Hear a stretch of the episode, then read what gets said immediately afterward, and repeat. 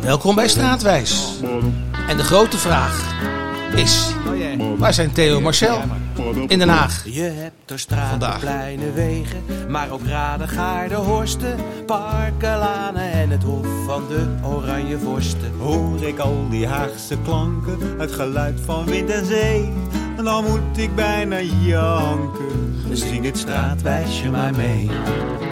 Ik ken wel duizend Straten, Het ruisen van de zee. Als ik Den Haag ooit moet verlaten, reist de stad toch met me mee. Ik sta vaak op het duin te kijken, vol blijdschap naar omlaag. Sta mijn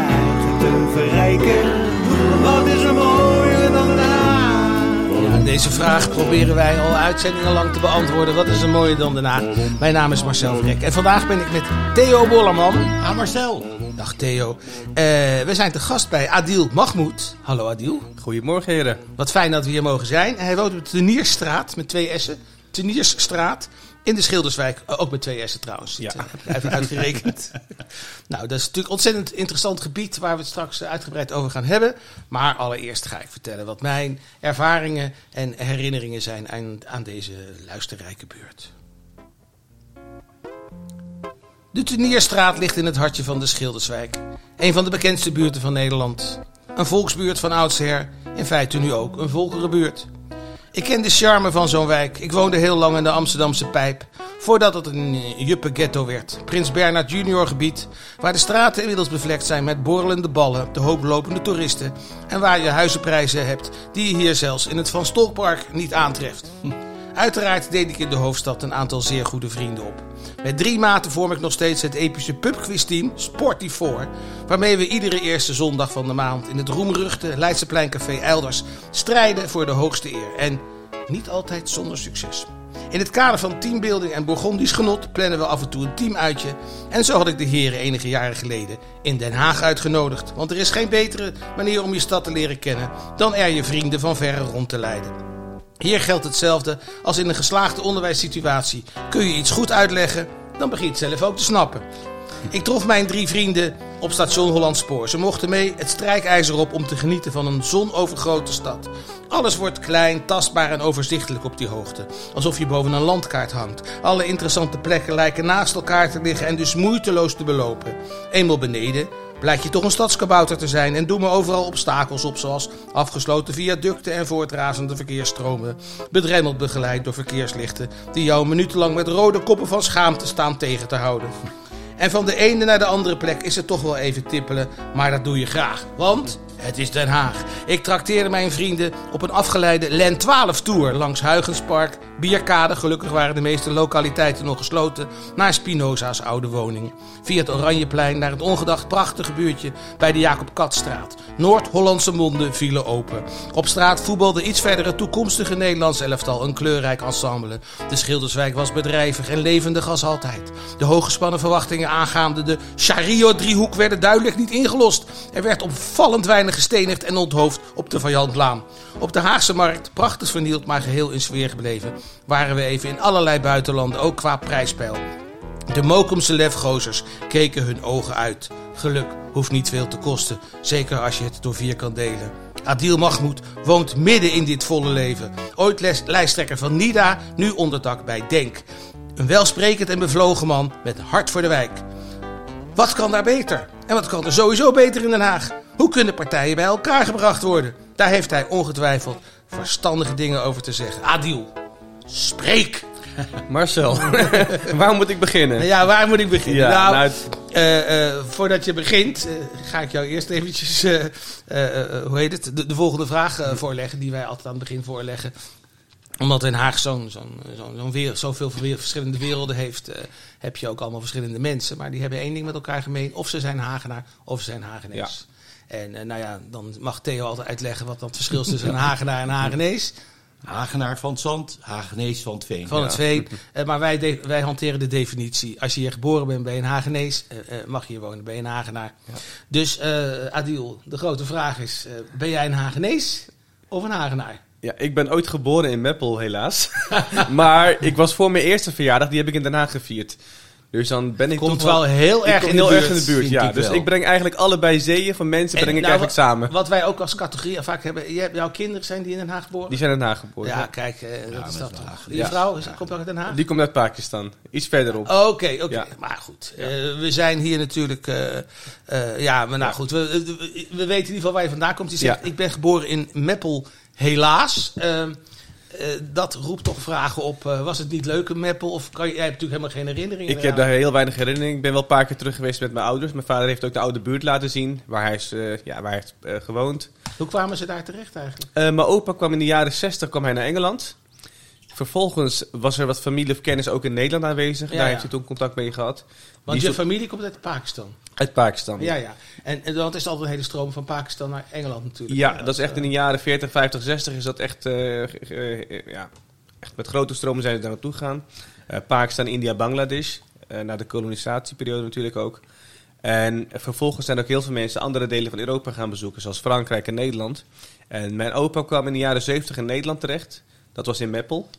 En uiteindelijk eind jaren 70 is mijn vader ook overgekomen. En begin jaren 80 zijn wij daar geboren. En waarom ging jou- jouw grootvader hier naartoe? Neem aan om te werken, maar... Eh, om te werken sowieso. Ja. Het waren natuurlijk mensen die vanuit eh Pakistan vertrokken om te werken. Niet dat ze daar per se niet goed hadden, maar mijn vader zegt altijd: hij is uitgenodigd door de koningin.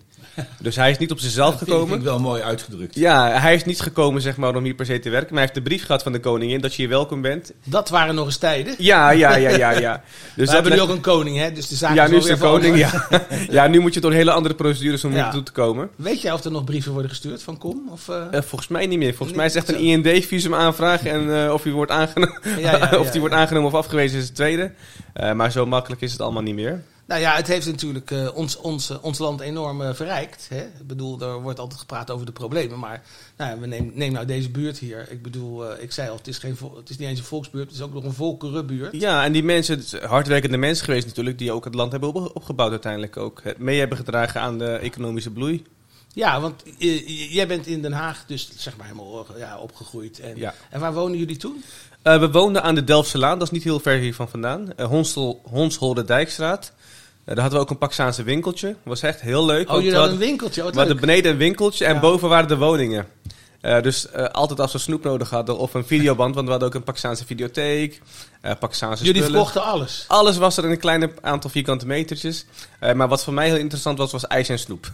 Dus Ja, dat was voor, Voor mij gewoon heel makkelijk. Ja. En hadden jullie dan vooral Pakistaanse klanten? Of was Nee, het was echt een buurtwinkeltje. Echt een buurtwinkeltje. Dus echt melk, brood, allerlei dingen.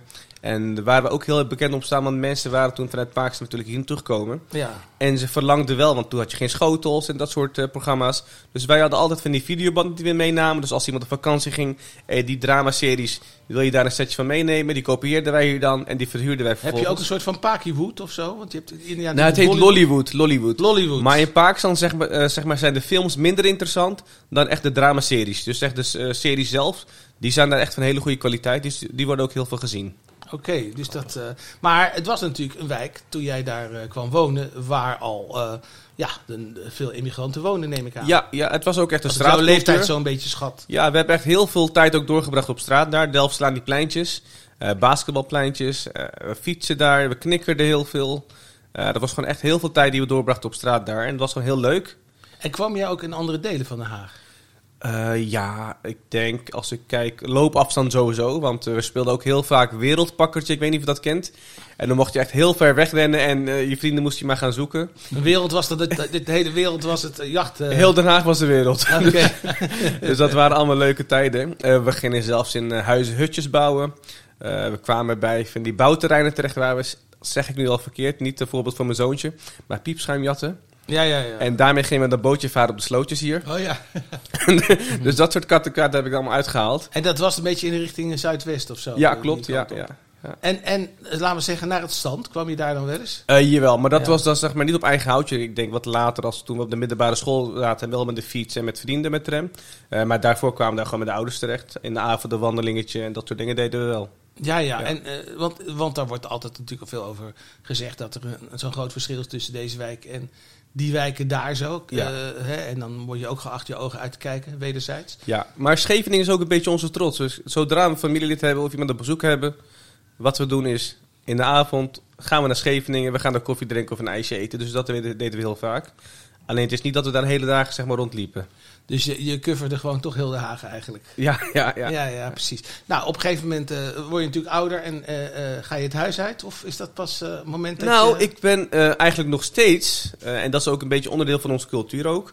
maar het is eigenlijk ook wat iedereen fijn, fijn vindt voor zichzelf. Ik heb tot heel lang heb ik samen met mijn ouders gewoond. En mijn ouders wonen nog steeds een huisje naast. Dus we hebben nog steeds, ik ben nu 38 jaar oud, we hebben nog steeds één keuken. Dus elke avond eten we eh, samen. Elke weekend ontbijten we samen. En door de week is het wanneer het uitkomt. En dat Eh, hebben jullie ook samen kunnen, kunnen regelen, ja. dat je naast elkaar woont? ja, ja. En eh, deze keuken in mijn huis hier wordt heel vaak gebruikt. Soms eten we daar, maar heel vaak gewoon hier. Vandaar dat hij ook een groot bord met uh, Mahmoud House ja, eh, ja. ophangt. Dus dit was ook het huis van mijn vader. Dus hij, is, eh, hij heeft deze huis ooit gekocht. Eh, vervolgens werden we wat groter. We hebben de huis ernaast gekocht. Er zit één buurman tussen nog. En die gebruikten we ook als een kantoor. Want we hadden een taxibedrijf met heel veel onder de eh, personeel. Uiteindelijk 24 personeel of zo. Dus die andere huis hiernaast, die woonkamer, die gebruikten als kantoor. nog steeds. Dat, eh, Ja, alleen nu hebben we geen personeel meer. Nu doen we echt wat andere soort werk. Echt alleen maar VIP en directievervoer. Eh, maar daarvoor, begin 2001, hadden we echt, echt een taxibedrijf, echt een straattaxi. Maar jij zegt nou VIP-vervoer, maar dat, dat, jij bent ook een VIP inmiddels. Dus Ja, ja, ja, ja. dan rij je zelf. Dan rijd ik mezelf, ja. Maar dan heb je een limousine of iets. eh, Eh, we, hebben, ja, we maken heel vaak gebruik van Mercedes-auto's. En dat zijn. die eh, zou je niet voor de deur geparkeerd hebben. Nee, we hebben een garage waar we hem zetten. Maar Oh, ook ja. al staat hij voor de deur, is het helemaal niet. Nou ja, we hebben, dit, dit is een fietspad hier voor de deur. Of een, een, een voetpad is het. hè? dat, dat mag dus inderdaad niet. Ja, Alleen even soms voor het uitladen van boodschappen doen we dat wel eens. Maar die huis daarnaast, die hebben we dus gebruikt toen als kantoor. Ja, ja. Ik heb daar ook nog wel even geslapen. En nu eh, wonen mijn ouders daar en mijn broertje. En ik woon hier met mijn gezin. ja. En we zijn gewoon samen. En mijn zusje woont trouwens tegenover mij, ook op de Trierstraat. Dus we hebben hier drie huizen van eh, ja, één familie eigenlijk. Nou, wat, wat ontzettend goed geregeld zeg. Ja, eh, ja, heel leuk. Maar op een gegeven moment, eh, want jij bent eh, politicus geworden. Ja. Daar moet toch ook op een gegeven moment iets eh, gebeurd zijn. Eh, ja, eigenlijk jaren terug op de Haagse Hogeschool toen ik nog student was. Was ik Wat studeerde je? eh, informatica. Dus Ja. ik ben eigenlijk ingenieur. In ingenieur. ING. Ja, en ehm, toen zat ik, was ik ook voorzitter van de studentenvereniging Maastricht. En toen kwam het maatschappelijk debat ook na 9-11 een beetje op gang. Van, opeens was ik moslim. Ik moest overal een mening over hebben. En ik moest zaken keuren of afkeuren. Had je voor die tijd nooit het idee dat je moslim was? Nee, niet dat ik me hoefde vera- te verantwoorden Ja, ja. voor zaken. Ja, Dus dat was echt, eh, het waren wel soms grapjes dit en dat. Maar na 9-11 na 9/11 merk ik toch echt van... Er werd met een bepaalde oog gekeken naar jou omdat je moslim was, maar ook daarvoor uitkwam. En eh, dat veranderde toen wel. Ik heb En die studentenvereniging was een eh, moslim? Een islamitische studentenvereniging, Maastricht, ja. Ja. En ik weet nog dat ik toen na de dood van Theo van Gogh eh, werd geïnterviewd. Natuurlijk keuren wij dat van harte ten strengste af. Ik bedoel, dat is gewoon afschuwelijk wat er is gebeurd met Theo van Gogh. Eh, maar volgens mij Nederland 1 of 2 kwam bij mij thuis. Een uur lang in deze woonkamer hier. Eh, die hebben me een uur lang geïnterviewd. En uiteindelijk dacht ik van ja, ik dacht toch wel zinnige dingen gezegd te hebben. Eh, alleen toen keek ik naar de uitzending, was één klein woordje of een zinnetje kwam eruit. En toen dacht ik, zij willen niet eens weten wat ik hiervan vind. Zij willen mijn verhaal niet laten weten. En uiteindelijk kwam ik ook wat meer in aanraking met de lokale politiek zo doen. En eh, toen dacht ik van nee, we moeten echt ons eigen verhaal vertellen, want iemand anders gaat het niet voor mij doen.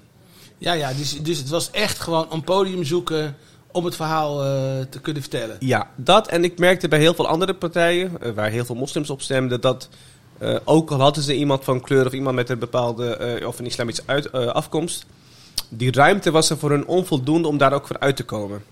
En ik wilde die vrijheid wel hebben. En zodoende kwam ik ook islamdemocraten tegen waar ik... Dat, dat is wat NIDA op, was, hè? Ja. Ja, klopt. NIDA, Islamdemocraten, DENK. Uiteindelijk zijn het allemaal partijen die vanuit die visie zijn opgericht. Want ik heb in die tijd nog wel eens voor de gemeenteraadsverkiezingen eh, de stemwijzer gedaan. En dan kwam ik 9 van de 10 keer gevallen heel hoog uit bij de NIDA. Ja, ja. Dus dat was, eh, ja, waarschijnlijk toch, ja. Maar dat is ik het ben ook. hè. licht progressief van signatuur, Ja. dus eh, dat Wij, wij dus. zeggen er ook heel veel eh, zinnige dingen. en onze standpunten zijn gewoon echt in het belang van de hele stad ook. Het enige wat soms anders is, dat de personen zeg maar, die daar achter de knoppen zitten... of op de stem ja of nee drukken of eh, daar spreken... die komen tegelijkertijd ook uit van een islamitische afkomst. En die willen daar zeg maar niet... onder druk of onder wat dan ook, zeg maar, daarvan afstaan. Ja, wat, wat, wat nu speelt, om even naar de actualiteit, is natuurlijk die aanvoerdersband van de, Ja, van de, van Ja. de speler van, van Koksu Feyenoord. van Feyenoord, Koksu ja. wil die eh, band, eh, wou die niet dragen, want hij, wilde, hij, hij respecteerde iedereen, maar hij wilde geen uithangbord zijn voor de LHBTI-gemeenschap. Hoe En kijken jullie dat- daarnaar? Ik kijk er persoonlijk zo naar. Dat is ook een hele goede voorbeeld trouwens. Eh, die druk die hij heeft ervaren. Die druk zou iemand anders niet hebben. Die discussie had ook met Kruis toen na de uitzending Ja. vorig jaar ook nog van. Stel je voor eh, dat Vanuit jij dat zou doen. achterban bedoel je? Nee, vanuit heel Nederland eigenlijk. Ja, Stel je voor dat meneer Kruis of meneer Marcel die ban niet zou omdoen. Zouden ze nog gevoelig zijn voor de argumenten die hij aandraagt. Dus dan zouden ze echt kijken van, wat heeft Marcel nou te zeggen? Nou, als, het, als ik dat niet zou doen, aanvoerder van Feyenoord, dat, dat duurt nog even, maar eh, dan eh, vroeger wel van gedroomd natuurlijk. Ja, ja dan, dan zou ik daar toch ook op worden Nee, wel, maar op een andere manier. En bij Koksje, want ik heb gekeken wat hij ook heeft gezegd. Hij heeft ook uitgelegd waarom hij zoiets niet draagt. En hij is eigenlijk vanuit alle kanten aangevallen, druk opgezet. Dus een 21, 22-jarige jongen die vooral bezig is met voetballen. En zo'n grote verant- verantwoordelijkheid en zo'n grote druk op hem. Ik denk dat dat vooral gelegd is vanwege zijn af- afkomst. Want zo heb ik het ook altijd ervaren. Als ik zo'n standpunt zou uitdragen in de gemeenteraad, zou er heel anders op mij worden gereageerd dan dat een collega van een andere partij dat zou doen. Ja. Nou, we zitten natuurlijk Ja. in een tijd van veroordelen, oordelen en veroordelen. Ja, Eh, ik, ik noem het ook een beetje kortsluiting in de hersenen wanneer het aankomt op het islam. Dan denken we niet meer na. Dan, eh, niet trouwens iedereen hoor, je hebt heel veel mensen die dat wel gewoon doen. Eh, maar als je gewoon kijkt naar eh heel, hele grote groepen mensen, dan beginnen ze alleen maar met keuren of afkeuren. Het moet volgens onze manier en eh, afkeuren op ons niveau. Je mag daar geen eigen mening over hebben. Dat, dat gevoel heb ik wel vaak. Oké, nou dan hebben we hier de Schilderswijk. Ja. En we trekken het weer even naar deze wijk toe. Dat is eh, een, een, een, een verzameling volkeren. Het eh, beoogt ook een beetje een smeltkroes te zijn natuurlijk. Hè? Eh, misschien is het wel leuk als Theo, als jij eens even een historisch kader schetst eh, van deze wijk. Hoe dat allemaal zo gekomen is. Eh, nou, dan vraag je inderdaad wel iets heel bijzonders. Ja. Eh, de Schilderswijk was natuurlijk vroeger een arbeiderswijk en die is eh, gereconstrueerd eh, naar een nou, multiculturele samenleving. Maar ja, dit is de Teniersstraat. En als eerste heb ik mezelf afgevraagd, Teniers, pardon. zal Ken een schilder zijn, toch? Ja, het moet een schilder zijn. Nou was ik toevallig gisteren in het Museum of Comic Art in Noordwijk. En daar zag ik een Donald Duck representatie, een groot schilderij. En dat heette de Eendenbruiloft. Het waren natuurlijk allemaal inwoners van Dukstad, maar die waren precies gerangschikt als het beroemd schilderij van Pieter, Ruben, eh, pardon, Pieter Breugel, de Boerenbruiloft. Die Eh, je op pizzeria's eh, eh, ja, als als onderzetter grote, grote eh, eh, boerenbruiloft, klopt. Op die, en Het derde been ergens wat eronder steekt. dat vond ik wel fantastisch. En toen dacht ik ineens gisteren, hé, hey, de boerenbruiloft, die heb ik in het echt gezien in, de, in Wenen, in de Kunsthistorisches Museum. Maar hoe kwamen die, al die Vlaamse schilderijen uit de 16e eeuw nou terecht in Wenen? Ja, toen kwam ik ineens op David Teniers, want die was dus niet alleen een heel reproductief schilder, oh, pardon, productief moet ik zeggen. Hij heeft 2000 gemaakt of zo. Maar Hij was ook reproductief, want hij had Ja, ook allemaal, kinderen. ja. Het Maar hij was zijn teniers, geloof ik. Hè? Hij was beheerder van de schilderijencollectie van de landvoogd van de Spaanse Nederlanden. Hebben Natuurlijk, wij hebben de 80-jarige oorlog gehad, maar de, België als het ware was nog gewoon van de Habsburgers. Eh, en van Leopold Wilhelm van Habsburg. En daar is die schilderijencollectie allemaal be- beland. Dat vond ik wel geestig. Maar goed, dat was over David Teniers, die getrouwd was met de kleindochter van Pieter Rubens. Eh pardon, heb je hem weer. Van Breugel. Rubens was een vriend van hem, van Breugel. Ja, ja. Dus ja. dat vond ik wel die, bijzonder. Die schilders die hebben elkaar, met elkaar eh, vermengd. Maar goed, toen ben ik gaan kijken natuurlijk naar de Teniersstraat. En ehm, ik heb zo even nog rondgefietst, ook in de Van Dijkstraat. Want ik was nieuwsgierig. Er is een enorm gedoe geweest over een enorm monument... wat in de Van Dijkstraat aanwezig was. De reproductie Teniersstraat. Ja, Weet je er iets van? Dat is Ja, die kunstwerk, een kolossaal kunstwerk, een tegeltableau. Schitterend gemaakt door kunstenares eh Berry Holslag. eh, van een soort foto van hoe al die oude Tenierstraat eruit zag. Ja, was best een heel mooie straat eigenlijk. Mooie siersteentjes in de gevels. En daar heeft zij dan een tegeltableau met relief van gemaakt. En dat is verdwenen een jaar of acht, negen geleden. ja die woningen zijn toen gesloopt. Die woningen zijn gesloopt Ja. en het zou terugkomen. Ja, ja. Maar het is nog steeds niet terug. Weet jij waar het is? Eh, ik, weet, eh, ik weet dat het ergens in een opslagruimte eh, wacht eigenlijk. Eh, ik weet ook dat er wat conflict waren met de Ja, huidige... juridische Juridisch. gedoe, artikelen in kranten. Ja, en ik heb daar ook wel even naar gekeken. Want ik denk van, ze hadden volgens mij een discussie met een kleine afwijking van de kleur. Terwijl dat ergens in de documentatie ook verkeerd was gecommuniceerd naar de nieuwe eigenaar. Ja, de zijgevel was 15 centimeter te klein of zoiets. Ja, zoiets. Waardoor dat monument weer er net niet oppast. Ja, maar volgens mij is dat gewoon op te lossen. Laat ze gewoon aan tafel gaan en laat ze dat even gaan oplossen samen. Ja. Want het wacht nu al zo lang. Maar het is wel een schitterend... Ik heb die foto's... Ja, ik heb het echt voor mijn hoofd nu, die hele foto. Ik heb ja. er zo vaak langs gelopen. Dus ja, ja, ja, Ja, want je hebt hier ook in deze buurt, eh, eh, dat vind ik heel erg leuk. eh, onder elke straatnaam ongeveer staat een, een, een schilderij van degene Klopt, eh, waar ja. de straat naar genoemd is. Mooi gedaan, mooi Ja. gedaan. Ja, de Tenniersstraat. Heel veel S'en. Tenniers. Ja, ja. Straat. Nou, ik woon zelf in de boombuurt en toen ze dat bedachten, hadden ze ooit bedacht dat alle straten, bomen, eh, beuk, el, dat er alleen maar bomen zouden komen staan waar die straat naar genoemd was. Oh, dat is- Maar je had ook een palm, eh, palmboomstraat Ja, dat eh, werkte niet en een daalboom, dus dat ging Het zal allemaal wel een, De exotisch gaan bananenboom. worden daar, denk ik. Nou, dat is, dat- die zijn trouwens in de oorlog eh, afgebroken. Heb je ook een mango-straat hier? Dat zou, het zou wel mooi Want ik hou wel van mango's. Kan je daar met je mandje klaar gaan staan als Ja, ja. Ja. Ja, nee, maar goed. En eh, de Tenierstraat, daar is natuurlijk ook nog de Sint-Augustinus school, of de Augustinus school. Monument uit 1891, waar het nu appartementen geworden is, Ja, heb ik begrepen. Nou, ik denk dat, eh, dat wij nu voldoende informatie Voldoende hebben nu? over de Tunierstraat. Ja, Eh, nu is, wordt het tijd om ons te buigen over het volgende probleem. Quizje! En het gaat ook over de Tunierstraat. Het is zoals Theo zei genoemd naar de Vlaamse schilder. Schilders zijn het eigenlijk, een hele dynastie is het. Maar het gaat hier even om het woord nier. Wij zoeken een Haagse straat die begint met een ander vitaal orgaan. Het is niet hart, want we hebben in Den Haag eh, de Hart-Nibberigkade, een Hartenveldstraat, een Hartelstraat en een Hartschelpsingel. Maar met dit orgaan als begin is er maar één straat. En die straat begint dus met een orgaan, maar is genoemd naar een struik. Nou, veel succes. Wauw. Natuurlijk. Wij gaan even naar onze rubriek eh, Straatmuziek. Oplossing komt trouwens. Eh, ik, eh, nou, Theo en ik eh, met ons programma, wij zijn eh, genomineerd geweest voor de Haagse Media Award. En we zijn bij de laatste drie geëindigd. En eh, we willen hier even een ode brengen aan degene die, die hem gewonnen heeft. En dat is, dat is Hizir Zinkis. En die heeft, ik hoop dat ik het goed uitspreek. en die heeft een talkshow hier om de hoek in de, de Vajant Theater ja. En dat heet Footnote. En hoor even een stukje hoe hij Emine Oegor, ik hoop ook, ook dat ik het goed uitspreek, Emine Oegor. Volgens mij is het Emine Oer, die geen Oer. spreken wat... Oer, ja, natuurlijk. Ja, ja, ja, precies. En zij is eh trouw columniste. En eh, er wordt door hem eh, geïnterviewd.